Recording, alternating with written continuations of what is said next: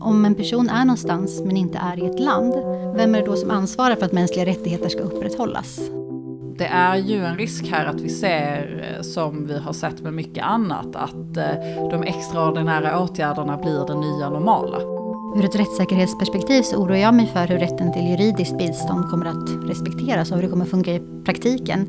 Hej och välkommen till Människor och migration, podden som handlar om människor på flykt och deras rättigheter. Jag som pratar nu heter Maja Dahl och jag är kommunikationsansvarig här på Asylrättscentrum som ger ut den här podden. Och den som har lyssnat på migrationsdiskussionen de senaste åren har nog inte kunnat undgå att höra uttalanden som det måste finnas ett bättre fördelningssystem inom EU och fler länder måste ta sitt ansvar. Men förslagen på hur de här systemen ska se ut, ja, det har vi verkligen inte varit bortskämda med. Men så kom den 23 september och kommissionär Ylva Johansson presenterade ett förslag till ny migrationspakt för EU. Dublinförordningen ska skrotas. Solidaritet ska bli obligatoriskt, men också möjligt att betala sig ur. Ett pilotprojekt ska tillsättas för att lösa situationen i flyktinglägret Moria och det ska införas gränsförfaranden och snabbspår. Fokus i förslagen ligger på återvändande, men vad innebär förslagen för rättssäkerheten? Är det som föreslås egentligen något som i dagligt tal kommer att kallas nya Dublin. Och vad innebär det här för svensk räkning? Ja, med mig för att diskutera de här frågorna har jag som vanligt Asylrättscentrums jurist Sofia Ranopesa. Välkommen! Tack, jag gillar din så här eh, rubriktalarröst. ja, ja, den, eh, du kommer få läsa fler rubriker tycker jag. Det... Jag har ju en dröm om att dubba tecknad film. Jag tänker att det, det, det är max. Det är både en eh, komplimang och en förolämpning, men det är max. eh, tack! ja, men kul där. att du är här i alla fall. Tack! Dessutom så har vi med oss vår kollega Sara Jonsson här i studion. Och Sara, du är en av de juristerna här på Asylrättscentrum som har som ansvar att följa utvecklingen inom den gemensamma asylsystemet i EU. Välkommen! Tack så mycket Maja, det är jättekul att vara här. Alltså jag är så glad att du är med här just nu, för varje gång jag ska prata EU så tenderar jag att jag liksom blir typ Boris Johnson och nästan bara vill prata om att eh, liksom hitta på att det handlar om längden på gurkor och böjda bananer. Men du har ju vrålkoll på att EU behandlar om mycket större frågor än så. Så det känns skönt. Toppen. Det finns högt och lågt. Ja, man vill ju inte vara Boris, så att säga. Eh, fast vi ska ju prata om den här migrationspakten som då Ylva presenterade den 23 september. Eh, men innan vi går in på liksom förslagen och vad som har kommit fram så, så skulle jag vilja börja med den allra mest liksom grundläggande frågan. Varför vill man ha ett sånt här system i EU? Men år 2015 var ett väldigt speciellt år, när över en miljon människor sökte asyl i EU. Och det blev liksom ett test för hela det gemensamma asylsystemet, som vid den här tidpunkten var ganska nytt, det hade inte så många år på nacken. Eh, och jag tror att den allmänna uppfattningen var att systemet inte höll måttet. Eh, Dublinförordningen ansågs av många ha spelat ut sin roll. Och det blev ganska uppenbart att solidariteten mellan EU-länderna, den fanns inte där. En del länder tog emot många människor på flykt, men en del eh, länder stängde helt sina gränser. Och de försökte aktivt hålla skyddsbehövande och asylsökande borta. Så då la EU-kommissionen 2016 fram ett omfattande reformpaket. Eh, och det innebär då, innebar då bland annat att stora delar av eh, det gemensamma asylsystemet skulle omvandlas från direktivform, som sätter en slags minimiskydd för enskildas rättigheter, eh, till eh, förordningsform. Eh, och det skulle då innebära att det blir ungefär samma nivå på skydd i eh, de olika medlemsländerna. Eh, I alla fall var det tanken, att det skulle främja solidaritet och ansvarstagande Eh, inom unionen. Vissa delar av det här reformpaketet eh, har accepterats av både Europaparlamentet och medlemsstaterna. Men vissa delar, och inte minst då förslaget till att införa en tvingande omfördelningsmekanism i Dublinförordningen, det har inte gått att enas om. Um, så när Ylva Johansson i slutet av förra året tillträdde som ny kommissionär för bland annat migrationsfrågorna, eh, så fick hon av Ursula von der Leyen uppdrag att ta fram en helt ny migrations och asylpakt. Eh, och det uppdraget så har hon nu eh, fullföljt. Mm. Det är det du säger nu med att, att eh, man säger att Dublin inte riktigt har eh, liksom gått igenom. Det tänker jag att det är en sån här klassisk grej som man alltid liksom möter i, den, i migrationsdiskussionen. Vad har du upplevt var det stora problemet med Dublin så som det har sett ut? Precis, jag delar den bilden att det finns en uppfattning om att Dublinförordningen inte har tillämpats. Att den, att den bara finns på papper. Men den har tillämpats, dock väldigt olika av olika medlemsländer. Eh, och den Dublinförordning som vi har just nu, den innehåller ingen omfördelningsmekanism. Så jag tror också att en del människor ställer orimliga krav på en förordning som egentligen inte har till syfte att göra annat än att berätta vilket, vilket medlemsland som är ansvarigt för att pröva en ansökan. Jag tänker att vi kommer komma tillbaka till liksom vad som inte har funkat och också vad de nya förslagen är. Då, allt det där kommer ju vävas ihop i, mm. i, slutändan i det här samtalet. Men innan vi gör det, så eh, Sofia, man, man pratar liksom om, om nya migrationsförslag. Vi vet att här i Sverige så har den migrationspolitiska kommitténs förslag precis skickat ut på remiss. Vi har fått hit den till Asylrättscentrum och jag antar att du gör dig redo att besvara den. Definitivt. Ja, men vad innebär då liksom den migrationspakt som nu har lagt för de förslag som, som du sitter och svarar på? Innebär det att de förslagen bara kan rivas för att EU kommer bestämma? Alltså så, så enkelt är det ju inte. Det, det, jag kan först eh, kommentera bara, jag tycker det var jätteintressant att höra liksom bakgrunden av var vi står idag. Alltså jag skulle säga att det här med att vi behöver ett nytt system i EU, det är liksom lite dubbelbottnat. Åt ena sidan är det att det finns absolut skäl till att behöva ett nytt system. Men sen ska man också komma ihåg att så här, på samma sätt som vi i Sverige ser att så här, migration är en väldigt eh, liksom, omdebatterad fråga. Det ser ju likadant ut runt om i de flesta EU-medlemsländer. Så det här är ju en väldigt politisk fråga som inte bara kommer ifrån ett behov utan också utifrån ett politiskt sammanhang och de konfliktytor som finns i de enskilda medlemsstaterna. Men rent, rent kast så är ju Sverige som medlemmar i EU, vi är ju bundna av de så att säga eh, förslag EU kommer med. Det finns ju två olika typer av eh, förslag, antingen direktiv eller typ av regler, det är antingen direktiv eller förordningar. Men bägge ska ju så att säga Sverige någonstans följa. Så det är klart att kommer det förslag från EU som eh, skulle vara i, i rak motsats till vad Sverige lägger fram, ja men då behöver Sverige ta fram annan, annan politik. Eh, I nuläget så ser inte jag att det finns någon omedelbar eh, problematik med de förslagen som ligger eh, i jämförelse med de förslagen som eh, har tagits fram från, från EUs håll. Men, men det där kan ju förändras. Uh, och jag har inte stenkoll på alla rättsakter i, i eh, uh, EU-sammanhang. Det tror jag Sara har lite bättre bild av. Så att, uh, ja, men, men att EU har en påverkan på vad som händer i Sverige, det är definitivt. Men EU är inte det enda som bestämmer vilka regler vi ska ha. Och Sverige har ju fortfarande och kommer fortsatt ha ett nationellt svängrum och utrymme för att skapa ett eget nationellt system. Mm. Vad säger du Sara?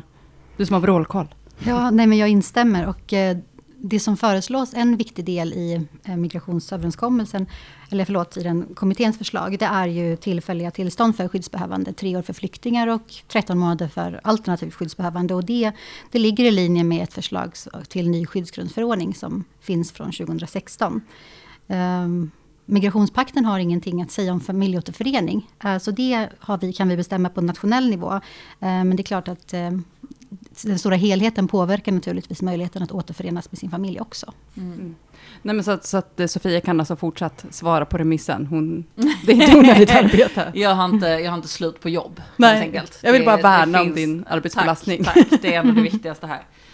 Men om vi går vidare till då själva förslagen. De här presenterades ju på en eh, presskonferens den 23 september. Jag förväntar mig att ni båda satt med poppade popcorn och eh, en läsk bredvid.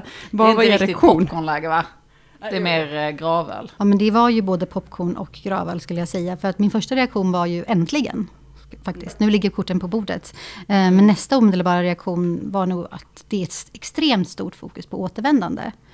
Um, vid presskonferensen den 23 så målades det upp en bild av att de allra flesta som sökte asyl 2017, eller 2015 hade asylskäl. Medan det idag är huvudsakligen så kallade ekonomiska migranter som söker sig till unionen. Uh, och det kanske förklarar varför själva asylrätten och rättssäkerheten i asylsystemen hamnar längre ner på dagordningen. Um, ja, men mycket av innehållet i förslagen var väntat också. Även om förvånansvärt lite hade läckt ut på förhand.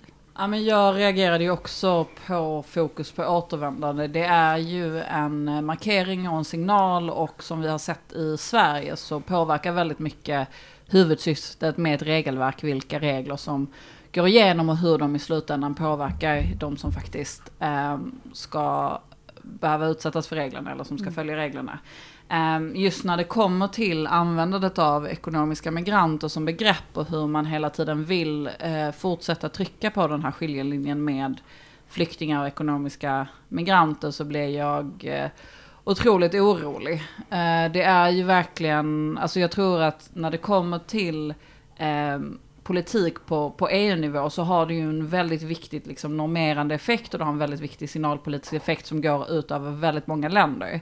Och den här eh, ambitionen som jag upplever till viss del att vilja normalisera den väldigt strikta uppdelningen mellan människor som har legitima skyddsskäl och sen människor som man menar då är till exempel ekonomiska migranter, är ju en, en liksom sanning med extrem modifikation som är väldigt farlig att, att försöka framhäva och, och ihärdigt belägga. Framförallt när vi ser att vissa av de som förslagen som kommer från EU-nivå nu kommer uppenbarligen göra det svårare för personer att bevisa att de har skyddsskäl.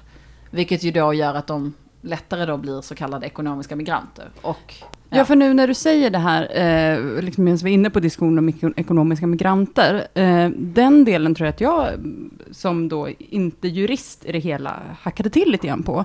Att man pratade om alla människor som har sökt asyl och nekats asyl i EU, som ekonomiska migranter.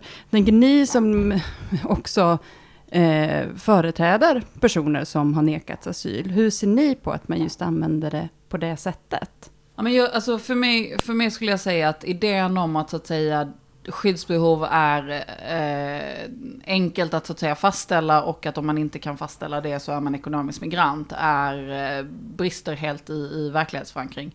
Det finns otroligt många olika skäl till att man flyr och, och, absolut kan så att säga ambitionen att, att få ett bättre liv vara ett av dem. Men, men ofta så är det ju en blandning av, av skäl och jag skulle också säga att så här, i väldigt många fall så eh, kan det vara fråga om till exempel att man inte eh, bedöms ha tillräckligt skyddsbehov även om man faktiskt har någon typ av skyddsbehov eller att man helt enkelt inte kan bevisa det. Alltså vi har ju, nu vet jag inte vad beviljandegraden för till exempel Afghanistan är idag, men jag tror den ligger under 40 procent. Jag tror att den ligger på 45 i Sverige. Ja men någonstans, det är under, under hälften och då är det ändå ett av världens absolut farligaste länder. Alltså liksom enligt alla bedömningar. Um, så att då är det ju så här, en person som lämnar Afghanistan även om de inte får sitt skyddsbehov eh, behov bekräftat så är det nödvändigtvis så att de går över i kategorin ekonomiska migranter. Jag tycker inte det är så enkelt och jag tror att varje försök att förenkla det migrations, migrationsrättsliga samtalet är att göra en enorm otjänst för människor som, som lider och människor på flykt. Mm.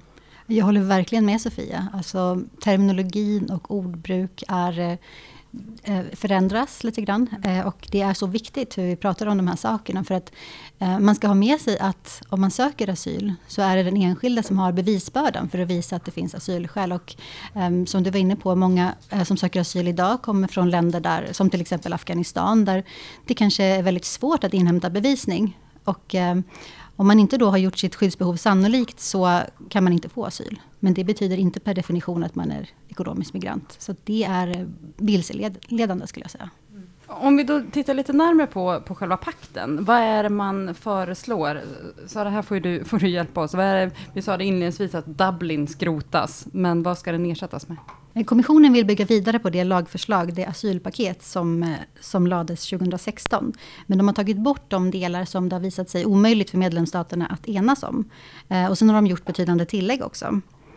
Kommissionen vill att lagstiftarna så fort som möjligt, alltså lagstiftarna, EU-parlamentet och ehm, medlemsstaterna, eh, ska anta de förslag till skyddsgrundsförordning, omvandling av EASO till EUs asylbyrå, det omarbetade mottagandedirektivet, 2018 års förslag till reviderat återvändande direktiv och unionsramen för vidarebosättning så snart som möjligt massa ord som jag tänker att nu lyssnarna sitter och säger så här, ja, ja, men då solklart var det här.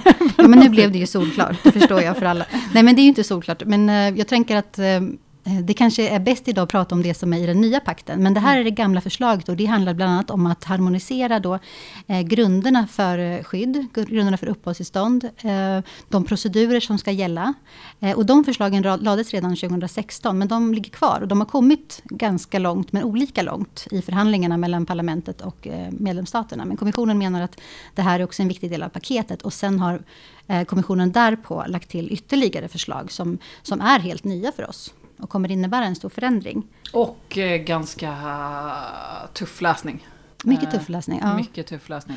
Och det är mycket som är nytt och det är mycket som vi inte har hunnit sätta oss in i till 100% också. Men jag skulle kanske i huvuddrag kunna säga några av de viktigaste bestämmelserna som föreslås. Eh, men också med förbehåll för att jag är, det här är nytt för mig också. Mm.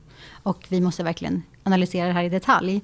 Och det kan ju komma att ändras också. Det kan Alltså, komma att ändras, absolut. Så att, eh, preliminärt. Preliminärt. Men en viktig förändring är ju då att relevanta delar av Dublinförordningen, som ju ska skrotas, överförs till en ny förordning om asyl och migrationshantering. Och eh, de, de förändringar som görs eh, är eh, betydande, men i princip så är det de gamla ansvarsfördelningsreglerna som gäller även tills vidare. En nyhet är att även syskon ska omfattas av familjebegreppet i syfte att bättre sammanhålla familjer. Alltså Mm. om det är en person som söker asyl och har ett syskon i ett annat EU-land så bör deras asylprocess kunna hållas samman Mm. i möjligaste mån. Det är För de väldigt som positivt eh, att Det är det, positivt, det klargörs absolut, faktiskt. ja. Det, det är mm, positivt. Tycker ändå det är viktigt också att notera när någonting är positivt för att utgångspunkten är Absolut. oftast att det blir sämre. Men det här är en sån grej som faktiskt eh, Det är en positiv är nyhet och i Sverige, speciellt då med den här mer restriktiva lagstiftningen vi haft som 2016, så har ju familjebegreppet nästan alltid in, inneburit det man kallar kärnfamilj, alltså Mm. make, make, partner och minderåriga barn. Men eh, nu handlar det alltså inte om eh, familjeåterförening, men det handlar om ändå om att sammanhålla familjer som kanske har, har kommit ifrån varandra under flykten, eh, men som nu har kommit till två olika EU-länder. Och för den som inte liksom har vrålkoll på hur det såg ut innan, alltså vilka som omfattades av eh, den styrningen innan. Nu säger inte jag att det gäller mig, men jag säger kanske någon av lyssnarna inte riktigt vet hur det såg ut innan. Vad, vad var det som liksom in, innefattades där då? Nu säger jag att syskon har lagts till, vilka var med innan? Jo, men det var i första hand kärnfamiljen. Mm. Eller det är, kan man säga, för den gäller ju fortfarande. Och då är det alltså att om en person kommer in och ska söka asyl så testar så kollar man om den har någon inom kärnfamiljen och nu förslaget också syskon i ett annat land och då får det landet ansvar för asyl. Mm. Det Och det, är, det är det första kriteriet i Dublinförordningen eh, som den ligger, men även då framöver. Eh, sen finns det flera olika kriterier, till exempel har personen som söker asyl eh, uppehållstillstånd eller visering i ett annat land. Och den här sista ansvarsgrunden är ju att eh, det land där man först reste in i unionen, eh, första inreselandet. Och det här är någonting som har varit ganska omtvistat. För det gör ju att fördelningen av asylsökande i unionen som nästan per automatik blir skev eftersom det är väldigt svårt att till exempel ha Sverige som första inreseland eftersom de flesta kommer till södra Europa. Eh, men den, den har inte ändrats tyvärr.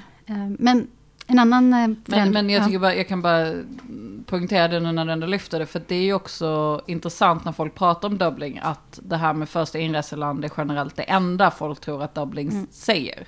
Och att när folk kritiserar att Dublin inte fungerar så brukar det vara på grund av att de menar att personer har ju rest in i ett annat land och därför så måste de per automatik ehm, resa tillbaka till landet. Men det är ju viktigt att komma ihåg att nej, Dublin är, precis som Sara beskrivit, en, en, en fråga om ansvarsfördelning och det finns flera andra regler än bara den principen. Även om det är ju den principen som är kritiserad och som såklart hjälper till att bibehålla den ganska, sna- äh, den ganska skeva fördelningen inom EU.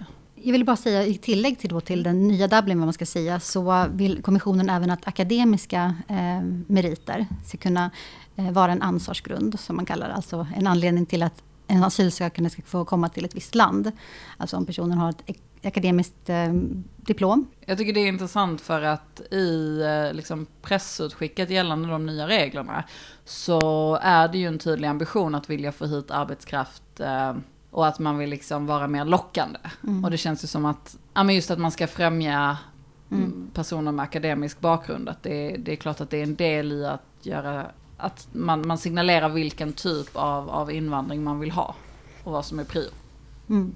Nej, men det som också föreslås i den här nya förordningen om migrationshantering eh, är att det finns en ny så kallad solidaritetsmekanism som föreslås. Och eh, där ska medlemsstaterna i princip bidra med sin rättmätiga andel av asylmottagandet. Och det ska baseras till 50 procent på BNP och 50 procent på befolkningsstorlek. Eh, Men som du var inne på där i början Maja, sen är det medlemsstaterna själva som ska göra utfästelser om vilken typ av stöd de vill ge och hur stort det ska vara. Är det det här man pratar om som sponsrat återvändande? Precis, det är det här, det här nya spännande ordet återvändande sponsring kommer in. Eh, Spännande som, ja. Spännande som är lite nytt för oss Ja, skulle jag precis. säga. Eh, för det vi har talat om tidigare är ju eh, att medlemsstater kan stötta andra medlemsstater med att omfördela eh, asylsökande eller nyanlända. Och det finns fortfarande med som ett alternativt sätt, som ett sätt att visa solidaritet. Men det finns också två andra alternativ. Varav det första då är återvändande sponsring. Och det innebär då tydligen att en medlemsstat tar över ansvaret för att verkställa ett utvisningsbeslut som är fattat av ett annat medlemsland. Eh, först ska den hjälpande staten försöka att göra det på den andra medlemsstatens territorium. Men om det inte lyckas inom åtta månader så ska den hjälpande medlemsstaten istället överföra personen till sitt territorium och därifrån försöka verkställa till personens hemland. Eh, och ja, hur detta ska funka i praktiken tycker jag eh, väcker många frågor. Och jag tycker också att det är väldigt tydligt att när man pratar om solidaritetsmekanism så pratar man om solidaritet mellan medlemsländer och inte solidaritet med de eh, på flykt. Nej, det är kanske inte är den gängse definitionen av solidaritet. Nej. så som vi använder den inrikespolitiskt till exempel. Um, nej, men så finns det också ett annat sätt att visa solidaritet, förutom omfördelning och återvändande sponsring. Och det är till exempel att man kan bidra med operativt stöd, kapacitetsbyggande, stöd till mottagande faciliteter eller till exempel att stödja återvändande program. Um, så de här tre alternativen har då medlemsstaterna att välja på. Eh, det är ganska långt ifrån vad som föreslogs 2016. Men det är ju verkligen när vi pratade om, nej, som du lyfte Sara i, i början, att eh, vi pratar om att det är ett tydligt, tydligt fokus på återvändande. Så är ju det här en av de liksom tydligaste sätten att göra det på. Att eh, man tar ett begrepp som framförallt har handlat om var ska personer befinna sig och få gå igenom sin asylprocess och hur ska vi säkerställa att alla som kommer hit liksom får en asylprocess. Och att man därefter då har flyttat till att fokusera på att så här, ett väldigt viktigt arbete, eller kanske nästan enligt de här principerna viktigaste arbetet, är framförallt hur vi får folk att lämna.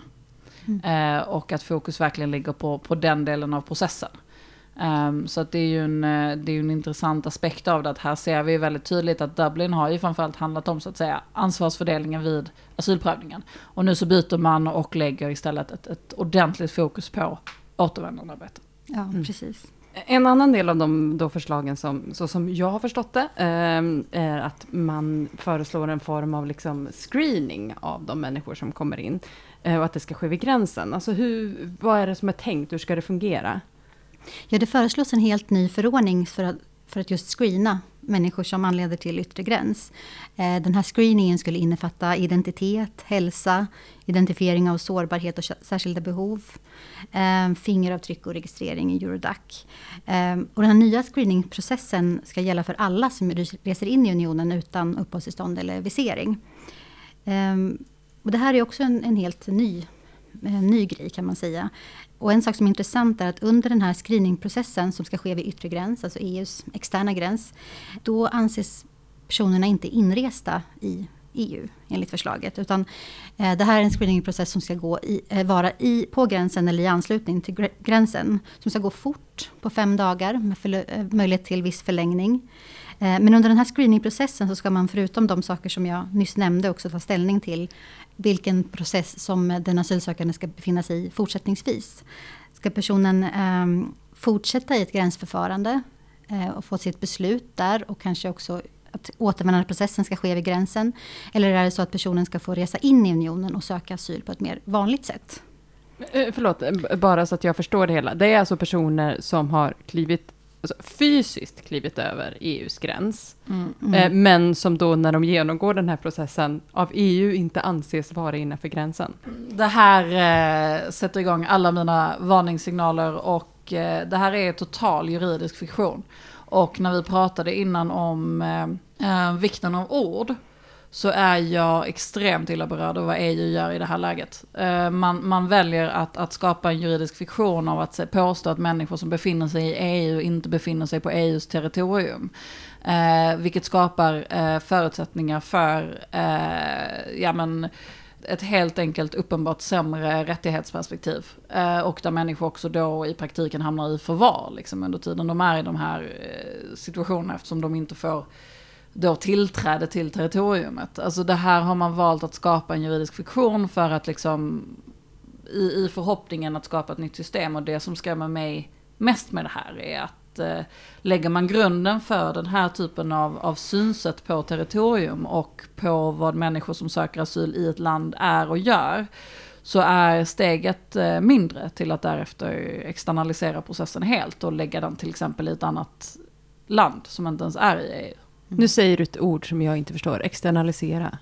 Ja, alltså det här är väl, eh, det, det var ju på, på tal tidigare i EU-förhandlingarna att så att säga att uh, asylprocessen i EU skulle inte ske i EU utan det skulle ske i någon av samarbetsländerna. Liksom i. Sen, sen har ju de länderna, som till exempel Libyen, inte velat gå med på det här. Så det har ju aldrig blivit uh, aktuellt på riktigt. Men jag tycker att det här språkbruket och Eh, de här förslagen som läggs nu är, är tydligt att eh, det finns ambitioner på att fortsätta kämpa för, för den här typen av eh, lösning så att säga. Jag vet inte om du håller med mig det? Ja, vad tänker du Sara? Jag instämmer såklart med, med Sofia. Alltså det är uppenbart att den här trenden att eh, söka externa eller lösningar eller mm. externalisering, mm. den fortsätter.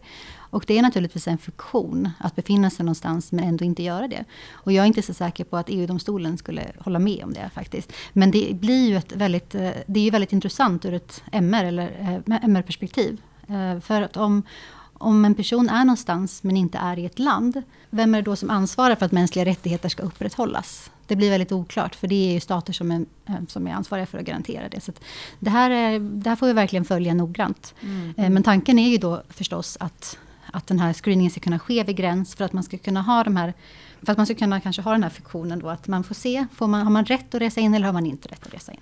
Mm. Nu pratade du, du nämnde några liksom, tidsfrister, om ska säga, eller hur, liksom, hur lång tid de här äh, delarna skulle ta. Att den här första initiala då, screeningen ska ta fem dagar. Eh, och att, som jag sen då förstått det, att om det är en person som kommer från ett land där beviljandeprocenten är under 20 procent, så kommer de gå in i en process som ska ta 12 veckor för att bestämma deras asylprocess. Har jag förstått det hela rätt då? Jag tror det. Jag har förstått mm. det så också. Att om man kommer från ett land där beviljandeprocenten har varit mindre än 20 procent. Eller om man till exempel inte har klarat säkerhetsscreeningen. Eh, så är tanken att personen i fråga inte ska resa in på territoriet. Utan att personens eh, asylansökan ska handläggas i, fortsatt i gränsförfarandet som vi så ofta konstaterar i den här podden så är inte jag jurist, men lite grejer har jag lärt mig av er jurister och det är ju att tid är viktigt i asylprocessen. Vad tänker ni kring de här tidsbristerna? När det kommer till liksom effektivitet i asylprocessen så är vi ju absolut för Um, inte särskilt, alltså det är inget positivt med långa handläggningstider. I sig. Alltså så här, vi, det är ju någonting vi slåss med väldigt ofta faktiskt, att det mm. är för långa handläggningstider. Så att man ska ju absolut inte ta det liksom att det har ett egenvärde i sig. Men går man ner på en väldigt kort nivå så är liksom, som vi snackar om, fem dagar då handlar det ju inte längre om en, en process som kanske möjliggör för att faktiskt ta hänsyn till individuella omständigheter. Utan det är ju det är fullkomligt omöjligt att göra en process på så kort tid utan att använda sig av väldigt, liksom, väldigt mycket mallar. Eh, och just det att man utgår ifrån då till exempel att eh, det ska vara länder som då har låg beviljandefrekvens. Då blir det ju nästan som ett liksom säkra länder förfarande. Att det liksom, man har ju en presumtion då att man inte får stanna. Vilket eh, asyl är ju en individuell rättighet. Och människor flyr på väldigt individuella skäl och behöver individuella bedömningar. Hela grundstommen i asylrätten är att se den enskilda människans asylberättelse. Och effektiviseringsförsöken kommer ju hela tiden att urholka den principen och urholka asylrätten någonstans. Ja, precis. Fristerna är väldigt korta och speciellt då i det här eh, gränsförfarandet. Ur ett rättssäkerhetsperspektiv så oroar jag mig för hur rätten till juridiskt bistånd kommer att respekteras och hur det kommer att funka i praktiken. Um, kommer det finnas tillräcklig tillgång till kompetenta jurister? Kommer de sökande kunna få möjlighet att sammanträda med sin jurist? Kommer man hinna införskaffa tillräcklig bevisning? Så det är många frågor kring eh, rättssäkerheten tycker jag i de här korta eh, förfarandena. Eh, men sen ska man också ha med sig att vissa asylskäl kan vara väldigt svåra att berätta om. Mm. Eh, till exempel på grund av stigma eller på grund av att man tidigare har negativa erfarenheter från eh, myndighetspersoner. Och då kan man behöva längre tid på att redogöra för sina asylskäl. Och jag tror att de här korta, den korta screeningen eh, först och sen den korta gränsproceduren gör att eh, en del asylskäl kommer att missas helt enkelt. Eh, att man sätter effektivitet framför rättssäkerhet. och det kan såklart få väldigt allvarliga konsekvenser för den enskilde. Ja, som jag förstår det så är det ju också om en person har falska ID-handlingar eh, som kan göra att de faller då i den här typen av gränsförfarande. Och jag menar falska ID-handlingar kan man ju absolut, eh, det förekommer ju i och med att vi inte har lagliga vägar in i Europa. Så det är inte en särskilt ovanligt förekommande eh, situation, vilket jag skulle säga säger egentligen ingenting om personens så att säga faktiska skyddsbehov. Eh, utan det handlar ju om ett färdsätt egentligen. Mm. Man kanske i tydlighetens namn också ändå ska um, nämna att barnfamiljer föreslås undantas från, uh, från det här gränsförfarandet. Eller rättare sagt uh, familjer som har barn under 12 år. Vilket är, vilket är en gräns som inte är i överensstämmelse med barnkonventionen till exempel. Men, men och familjer, ensamkommande barn va? Och ensamkommande alltså, barn precis. tror jag absolut. Uh, men ändå, det finns undantag. Och de personerna ska inte behöva handläggas i ett gränsförfarande. Ja men tillägg på, på ja. det du pratar om just att, så här, att vissa asylskäl kan vara svåra att ta upp. Och då kan vi prata om till exempel att, ja men som, som du nämnde, att just att man eh, ja, men säg att du är kvinna från ett väldigt patriarkalt system eller att du kanske har en annan sexuell eh, läggning än vad som är accepterat i hemlandet. Eh, de grupperna ska ju formellt undantas från det här gränsförfarandet och behandlas i en vanlig asylprocess. Men, men precis som eh, Sara nämner så är det ju den typen av asylskäl som är otroligt tuffa att öppna upp om och att berätta om. Eh, vilket gör att även om de kanske formellt ska undantas så finns det ju absolut en, en, en stor risk skulle jag säga att det här missas och att det här är personer de som då får det här förenklande förfarandet trots att det är de mest komplexa asylskälen att utreda. Mm. Och det kan man också kanske tillägga att om det är så att det redan under screeningprocessen kan identifieras att en sökande tillhör en viss eh, utsatt grupp till exempel, eller har behov av särskilt stöd, så ska personen också undantas från gränsförfarandet. Men som sagt, det är, det är mycket som ska fram under de här fem dagarna. Mm. Om vi går vidare och tittar på de andra eh, liksom, förslagen som då in, ingick i pakten. Är det något mer som du vill liksom lyfta i det här samtalet som, som vi bör känna till, Sara? Någonting som är eh, nytt och viktigt, det är ett förslag till en ny krisförordning. Alltså att kommissionen på eget initiativ eller på anmodan, begäran från en medlemsstat, kan göra bedömningen att ett nationellt asylsystem, alltså inom ett land, är under press eller riskerar att komma under press. Och om det är så att eh, kommissionen gör bedömningen att det råder väldigt stor press då i ett visst land, eh, så kan kommissionen bestämma att omfördelningen eh, eller solidaritetsåtgärderna eh, kan utvidgas eh, även till personer som befinner sig i ett gränsförfarande, alltså asylsökande i ett gränsförfarande, och även personer som är akut skyddsbehövande. Eh, och då är det också så att solidaritetsmekanismen ska enbart fokuseras på omfördelning och återvändande sponsring. Eh, att det alltså inte ska vara tillräckligt att bidra enbart med ekonomiskt stöd i en krissituation. Ja, och kommissionen föreslår då också att det ska vara möjligt att göra avkall på vissa processuella garantier för asylsökande, såsom förlängda frister i ett kris, eh, krisläge. Eh, och att ännu fler ansökningar ska kunna handläggas i gränsförfarandet. Så det är ju, eh, blir också intressant att följa hur kommissionen kommer att gå vidare med sådana bedömningar. Eh, för det är inte bara att det krävs inte att ett nationellt asylsystem ska vara under stor press, utan det kan vara tillräckligt att det finns risk för det. Så ja, det finns väl en risk för att det kan bli ganska politiskt, politiserat. Mm. Om jag förstod det rätt så är det ju också det att det som händer med den här eh, förenklade asylförfarandet då är att det ska kunna eh, tillämpas på personer då där eh, den eh, genomsnittliga EU, alltså beviljandegraden för den nationaliteten är under 75 procent. Eh, vilket jag skulle säga är eh, alltså, de flesta länder. I princip alla länder. Alltså det är klart vi har vissa länder som under vissa extrema situationer, som till exempel Syrien, låg på, på liksom 99 liksom. Men eh, de flesta länder har, eh, så då är det i princip att gränsförfarandet, den här förenklade asylprocessen ska gälla då, ja i princip alla. Mm. Om det inte då är undantagen barn och särskilt utsatta grupper. Men det är stora förändringar. Det här är ju, alltså, det, det, känns ju, man kan ju verkligen, som, som, du säger, man får ju se hur kommissionen bedömer de här situationerna. Men eh, det är ju en risk här att vi ser, eh, som vi har sett med mycket annat, att eh, de extraordinära åtgärderna blir det nya normala.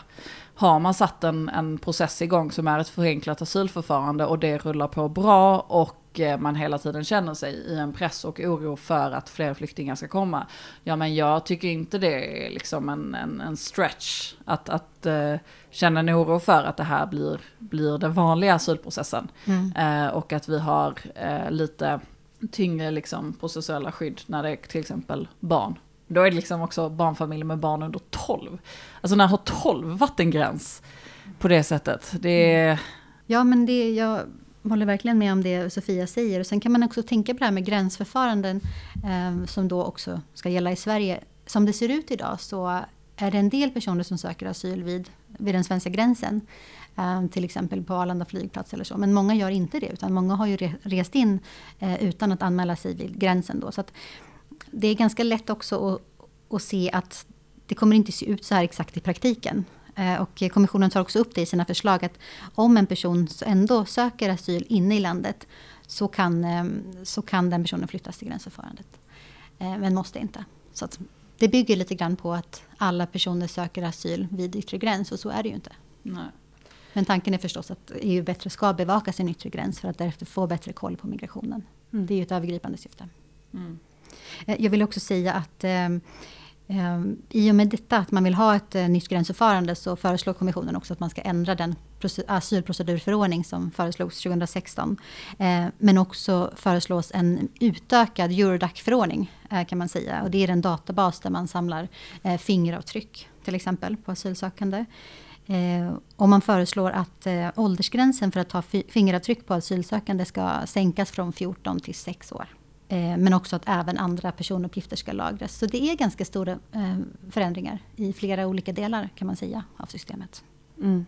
Jag kan kanske också lägga till att det finns en del eh, välkomna förslag, speciellt då när det gäller ensamkommande barns rättigheter. Och det är bland annat att det ska bli lättare att få en god man förordnad inom kortare tid. Och att en god man inte ska ha allt för många barn samtidigt till exempel. Och det är ju väldigt välkommet. Finns det något förslag som ni saknar nu när liksom vi pratar? Alltså, jag, förstår att det kan finnas mycket, men det finns det någonting som ni ändå liksom hade förväntat er att man skulle presentera och som, som inte finns med i den pakten som nu har presenterats? Ja, alltså jag tycker det är väldigt glädjande att kommissionen har uttalat sig positivt om eh, behovet av säkra och lagliga vägar till unionen till exempel. Um, men tyvärr så finns det få skarpa förslag om att underlätta lagliga vägar. Som till exempel att underlätta familjeåterförening eller humanitära viseringar. Det är ju saker som till exempel har disk diskuterats. Um, kommissionen vill inleda djupare diskussioner och återkomma om detta inom kort. Men, men om pakten i sanning ska vara en eh, heltäckande ansats så tycker jag att det hade varit jättebra att uh, ha med det nu från början för att få ett bredare angreppssätt. Alltså frågan om lagliga vägar. För mm. det är också jätteviktigt att det finns alternativ när man stänger gränser. Mm. Vad tänker du Sofia? men jag tror att jag hade väl, det, det är mycket man, man hade drömt om, men jag tror att eh, i, i text så har de gett uttryck för en, en oro för situationen på, på Moria och vad som har hänt i de olika delarna av, av liksom gränserna.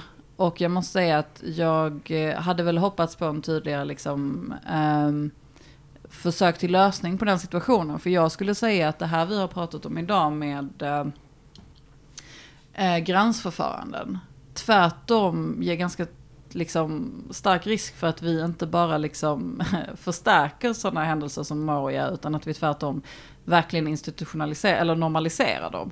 Alltså om, om alla ska vara på, på gränsen innan man får lov att komma in i territoriet och så vidare, då är det ju att vi ska ha små, liksom, ja, rent krasst flyktingläger där människor inte tillhör ett territorium men finns och inte finns på territorium. Så att medan man i, i skrift har, har påstått sig vilja liksom verka från det så upplever jag att de här förslagen rent konkret verkligen eh, kommer att medverka och, och förstärka eh, den här typen av liksom utanför områden. Um, och där kan man ju tillägga att um, jag har väl också verkligen saknat en, en vision som går utöver förhoppningen att lösningen på EUs problem ligger i starkare samarbeten med Turkiet och Libyen och andra tredje länder. För där har också fokus varit väldigt tydligt och, och språket man behandlar är ju också verkligen att mycket av fokuset ligger på eh, en ambition att utöka och, och förstärka de här eh, avtalen, eller de kallar det inte avtalen utan de kallar det överenskommelse eller dialog eller vad det nu är med länder som, som uppenbart kränker mänskliga rättigheter kontinuerligt. Um, och uh, en, en ambitiös och eh, en, en, en, en, pakt som hade gått i positiv riktning hade vågat prata om, om eh, andra lösningar. Men det är också det Sara nämner. Liksom. En, ett, ett konkret förslag kring, kring lagliga vägar, ett konkret förslag kring hur, um, hur en migrationspolitik kan se ut som faktiskt eh, erkänner att människor flyr, kommer fortsätta fly och det här är någonting som inte kommer försvinna från EU. Hur mycket man än fokuserar på återvändande. Mm. Nu, nu, har vi egentligen varit inne på det här tänker jag, genom hela samtalet, men kan man utifrån de här förslagen och hur de presenterades säga någonting om var EU är på väg i migrationsfrågan? Alltså, det här omtaget som kommissionen gör nu om migrationsfrågan, det innebär, tycker jag, en unik möjlighet för EU att eh, byta riktning. Eh, från det som Sofia också har beskrivit som en känsla av eh, någon slags krishantering, till att man skulle kunna gå till en mer rättighetsbaserad och hållbar migrationspolitik. Eh, men jag tror att det är tveksamt om den föreslagna pakten fullt ut kan leverera en politik som är solidarisk både mot, mellan medlemsstaterna men också mot eh, människor som söker skydd i unionen. Eh, det är mycket som talar för att EU fortsätter på den inslagna vägen med externalisering, samarbeten med tredje länder och fokus på bevakning av yttre gräns. Istället för att fokusera på ett rättssäkert och starkt internt asylsystem. Vad tänker du Sofia? Ja, nej, men jag tror jag delar Saras perspektiv liksom, om eh, vad, vad, vi kan vänta oss. Eh, och att vi står inför liksom, lite samma eh, situation som i Sverige rent liksom, riktningsmässigt. Men, men eh, Maja, för dig som inte liksom har framförallt kanske det juridiska perspektivet, hur, har, hur ser du på framtiden?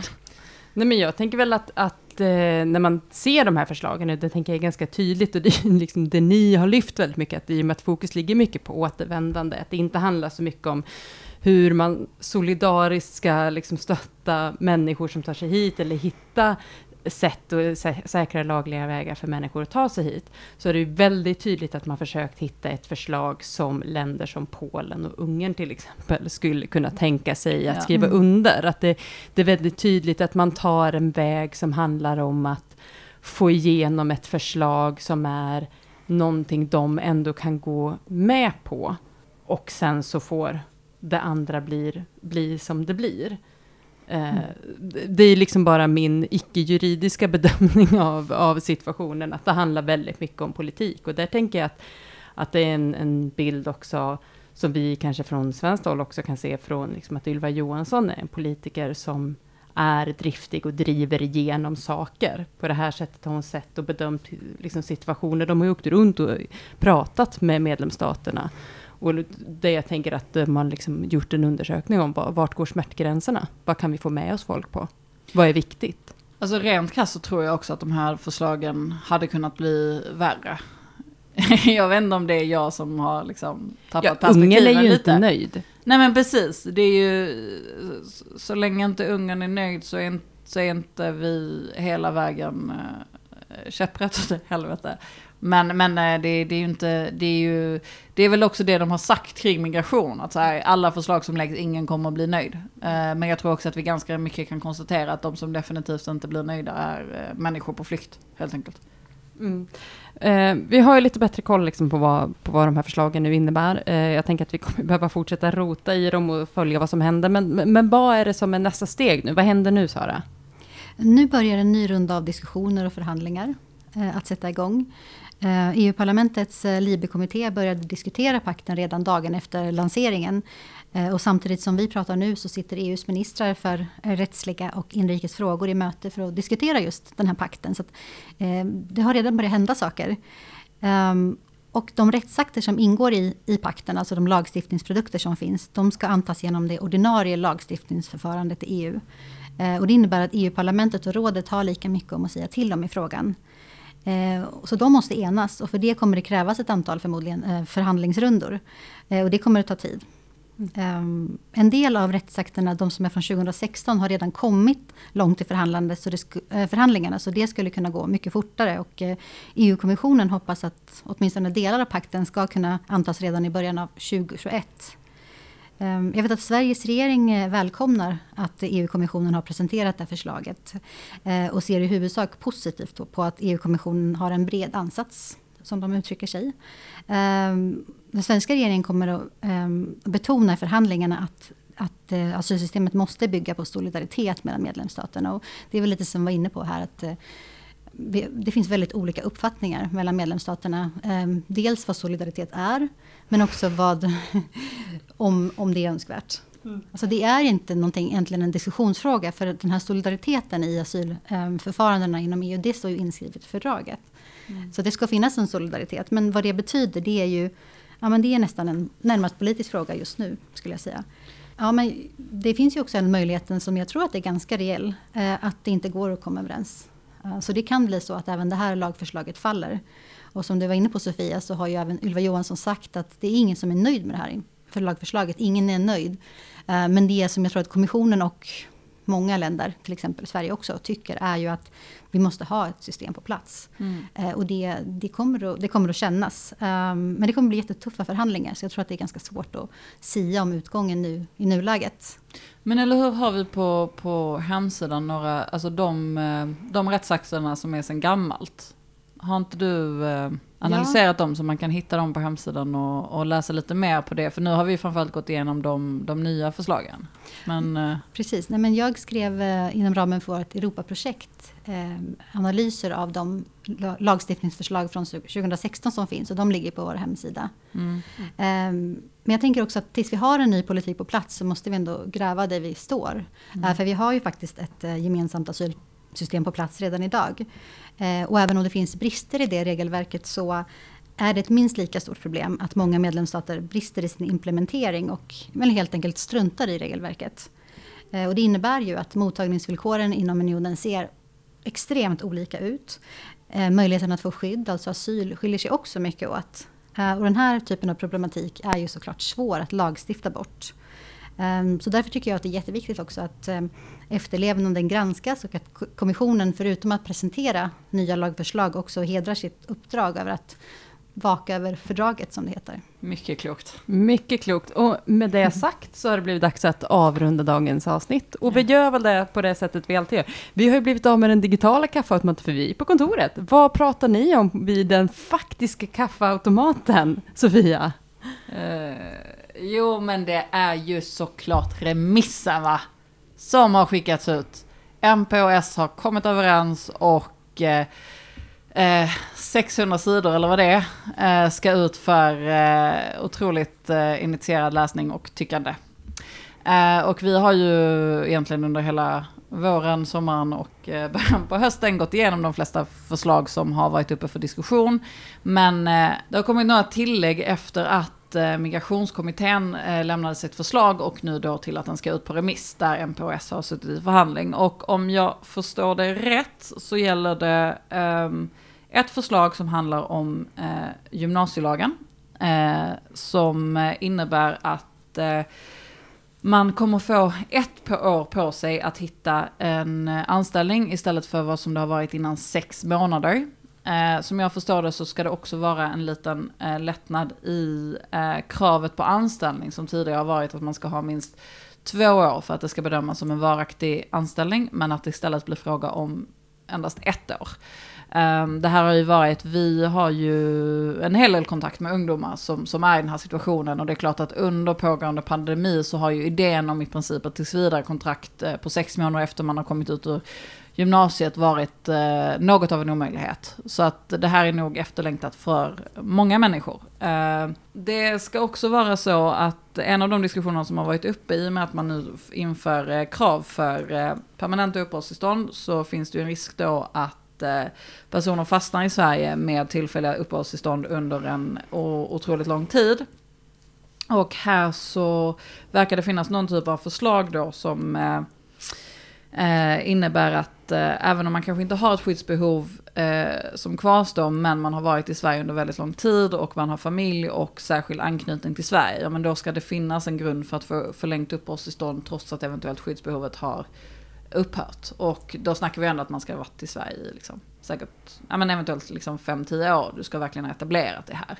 Men, men eh, så att det är ju eh, ett sätt att kompensera för då att eh, folk inte ska fastna i, i evighetslånga uppehållstillstånd, troligtvis. Tillfälliga uppehållstillstånd. Så det, det diskuterar vi, allt det nya och också det gamla och eh, att eh, remissinstanserna nu behöver Äh, sätta sig och läsa på och se till att verkligen klargöra vad det är som deras fokusområde, hur det drabbas av de här förslagen som nu faktiskt blir permanenta, till skillnad från förr. Spännande och jag misstänker, jag vet inte säkert, men att vi kanske kommer att prata om det fler gånger här i podden. Eventuellt blir det, kommer nämna det, kanske. Vi får se. Ja. Det är spänning, olidlig spänning. Väldigt eh, låga eller höga odds beroende på om man förstår vad odds är, det gör inte jag. Jag inte jag heller. Sara, eh, vad pratar du om i kaffeautomaten? Men jag har såklart också pratat om remissen och alla eh, turer och alla väldigt uppspelta reaktioner kring den. Men det är såklart att man är uppspelt, det är ju en jättestor grej. Eh, Ehm, men en annan stor snackis är att vår kollega Linnea Midsian eh, med stor framgång har drivit ett ärende i en FN-kommitté. Eh, och jag kan inte berätta mer om det just nu, men ni kommer att få höra mer om det sen. Det är superspännande. Eh, jajamän, det sitter vi och filar Mm. på hur vi ska ut med. Men det, men det är väldigt, väldigt häftigt. Och det är klart att vi pratar mycket. Det låter ju när vi tar upp det, vad ni pratar om vid kaffeautomaten, som att vi inte pratar med varann. Vi pratar med kaffeapparaten. Den är, den är extremt kommunikativ. Maja, vad har du pratat om med din individuella kaffeautomat då som eh, vi har varsin uppenbarligen? Vid min kaffeautomat så har det pratats väldigt mycket om Halmstad kommun. Och det här, det är inte ofta man har pratat om det. Vilket är belägget för att du har din egen kaffeautomat där du förstår själv. Det är sant, det är sant. Man pratar liksom inte så ofta om, om Halmstad kommun, så här postgyllene tider, så stora tider så att säga. Eh, men eh, det som har hänt, det här knyter an lite grann till det du lyfte om gymnasielagen, Sofia. För det har vi pratat om både här i podden och ja, överallt där folk vill lyssna, så handlar det ju om, liksom, när det kommer till de som har fått uppehållstillstånd för att studera på gymnasiet, så har ju de efter examen, eh, precis som du sa, de har ett halvår på sig att hitta en fast anställning. De får inte ha eh, provanställning och den anställningen måste då Eh, innan den här ändringen, ändringen då var minst två år. Och det här är väldigt höga krav. Och framför allt under corona så har ju det liksom försvårats ännu mer för personer då när arbetsmarknaden har blivit som den blivit eh, i den här pandemin. Men då har man på Halmstad kommun hittat en liten finurlig lösning tycker jag. Eh, och det man har gjort är att man i kommunfullmäktige har tagit beslut på att eh, en ny liksom, eh, anställningsrutin för de här personerna. Och det är att om det finns behov hos kommunen att anställa och det finns en person eh, med rätt kvalifikationer som då omfattas av den här gymnasielagen, eh, så ska man erbjuda dem fast jobb utan provanställning. För att på så sätt säkerställa att den här personen inte utvisas. Eh, och det man säger från kommunens sida, det är att det här handlar ju inte bara liksom om ett sätt att vara liksom snäll, utan det handlar ju liksom ett sätt att säkra kompetensförsörjningen i kommunen. För många av de här har ju också gått utbildningar som gör att man kommer in i till exempel vård och omsorg, som är liksom, där det finns en stor kompetensbrist inom kommunen. Det är ett bristyrke. Och då bland annat så lyfter man i den här artikeln som jag läste i Hallandsposten om då tre personer som snart är färdiga undersköterskor. De har redan jobbat som timvikarier i kommunen, så att man liksom har ju en bra koll på vilka de är om man skulle vilja anställa dem. Men det ju, finns ju en risk att de utvisas om man inte gör den här lösningen. Så då har man hittat den här lösningen. Jag tycker det är finurligt Ja, alltså. men det är bra. Det är bra, det får man säga. Det, det är ju skönt när man kan hitta lösningar på komplicerade eh, regler. Det här låter som en typ av solidaritet som, eh, som passar lite bättre. Du menar att det här är ett bättre sätt att använda det ordet? Jag tycker det. Vi börjar snäva in. Kontroversiellt jag. Ja, ja, när du säger det, det är ett bra sätt. Ett bra sätt. Jag tycker att solidaritet har fått ett väldigt, väldigt speciellt liksom, betydelse under det här samtalet. Så det var skönt att komma in lite mer på den här delen. Med det jag sagt är det dags att avsluta dagens avsnitt. Tusen tack Sofia och Sara för att ni kom hit och gjorde mig lite klokare på vad som händer i EU. Och fram, framförallt såg till att jag inte blev Boris Johnson under samtalet. Tusen tack för att vi fick komma. Tack till dig som har lyssnat. Eh, vi kan göra den här podden, vi är en ideell organisation och vi kan göra den för att vi ibland får in Swish från er som lyssnar. Det är vi väldigt glada för. Vill ni fortsätta se till att vi kan ge ut podden eh, så får ni jättegärna skicka in en liten summa till Asylrättscentrum. All, eh, alla pengar som blir över går till övrig verksamhet som vi brukar säga. Ni går in på sveref.org och så kan ni klicka på stöd och så kan ni läsa mer om hur man kan stötta Asylrättscentrums arbete och den här podden så att säga. Eh, vill ni kommentera eller har ni frågor på dagens avsnitt så kan ni gå in på Facebook på, till Människor och migrations eh, och eh, kommentera på ja, länken till avsnittet. Eh, ni kan även eh, twittra till oss, eller hur? Det får man. Det får man. Var når man dig Sofia? Att RRP Sofia på Twitter. Kan man nå dig Sara? Ja, Jag har ett jättekonstigt namn, men det går bra. Alltså jag har ett väldigt konstigt användarnamn, men det går bra att söka på mitt namn. Jag heter Sara Jonsson och jag finns på Twitter. Ja, men perfekt. Eller så kan man skriva direkt till oss på Asylrättscentrum och det gör man på Vad heter Ats. du Maja på Twitter? Ja, det är hemligt. Man skriver direkt till då eh, sveref-org så kommer man till Asylrättscentrum och kan kommentera eller ställa frågor. Med det sagt, tusen tack till er som har lyssnat. Vi hörs igen om två, tre veckor och ja, men då ser vi helt enkelt vad vi pratar om. Kul. Ja, ha det!